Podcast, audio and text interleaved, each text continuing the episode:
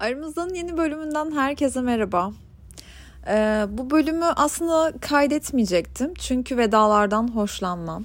Ama bir veda bölümü, bir ne var ne yok, ne yapacağız şimdi bölümü gerekiyordu galiba.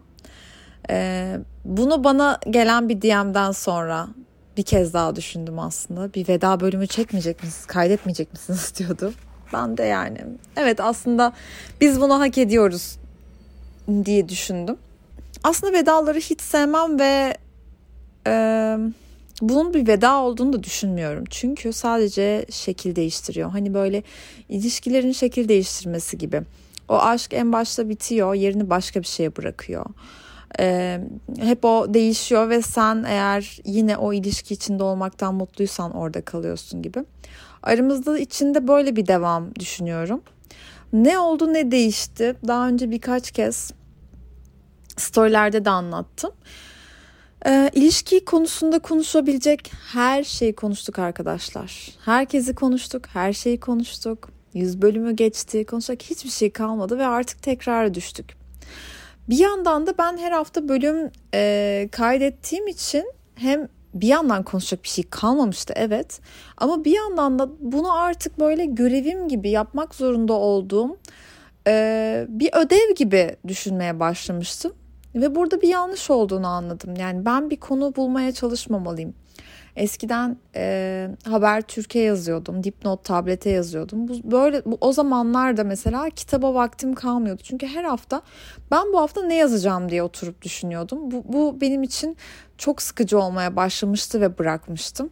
Ee, bir şey anlatacak, paylaşacak bir şeyiniz varsa eğer sosyal medya önemli ve size yardımcı olan bir mecra oluyor. Anlatacak hiçbir şeyiniz yoksa boş boş lak lak yapmanın çok manasının olduğunu düşünmüyorum. Ben de ne değişti? Naberler güzel gidiyordu aslında. Sizinle başka yönleri de paylaşmayı seviyordum. Sonra hayatımda bir sürü şey aynı anda değişmeye başladı ama e, bunlar böyle bariz, somut, şu oldu, bu oldu dediğim değişimler değildi. Ben bir değişime girdim. Bir dönüşüme girdim. Ee, ve her şey aynı anda olunca içimde hislerim, hayattaki sıralamam, ne bileyim çevrem, her şey her şey konusunda böyle bir ne oluyor diye oturup düşünmeye başladığımda tüm bunlar bana çok fazla geldi. Çok fazla geldi. İçime kapandım. Bir şey paylaşmak istemedim. Ee, evden çıkmak bile istemedim ama bu bir depresyon değildi. Ben sakince neyin olup bittiğini anlamaya çalışıyordum.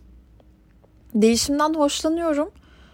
Ama bu kadar kendi içimdeki bu kadar büyük bir değişim e, beni de çok şaşırttı ve gerçekten yordu. Yorulduğumu hissettim.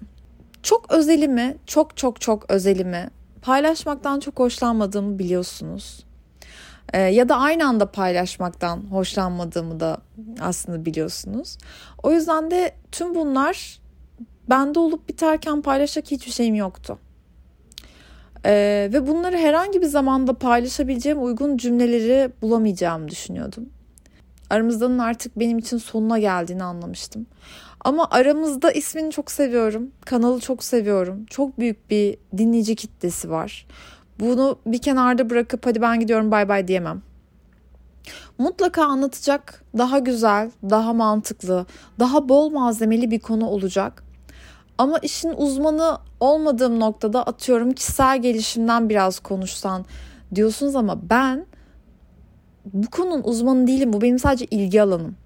Ee, olabildiğince geliştirmeye çalışıyorum kendimi. Olabildiğince okuyorum, psikolojik kitaplar okuyorum. Hani bunlardan zaten storylerde de bahsediyorum ve e, sizi işte neyi seviyorsam o konuda bilgilendiriyorum. Hadi bunu araştırsanız da çok enteresanmış diye. Ama onun dışında ben bu sorumluluğu alamam. Ee, ben benim de içimde her şey yerine oturmamışken ve belki de ömrüm boyunca oturmayacakken hadi gel birlikte değişelim, dönüşelim, işte kişisel gelişimimizi tamamlayalım diyemem tamamlanmıyor. Ama bu yol bir yere çıkıyor. Ben bu depremleri kitap öncesi zamanlarımdan tanıyorum. Kitap öncesinde hayatım karman çormanmış gibi gelirdi ve tıkanırdım ve hiçbir şey gelmezdi. Bir Instagram'da paylaştığım fotoğrafın altına caption bile yazamazdım. Ama bilirdim ki bu bir doğum sancısı.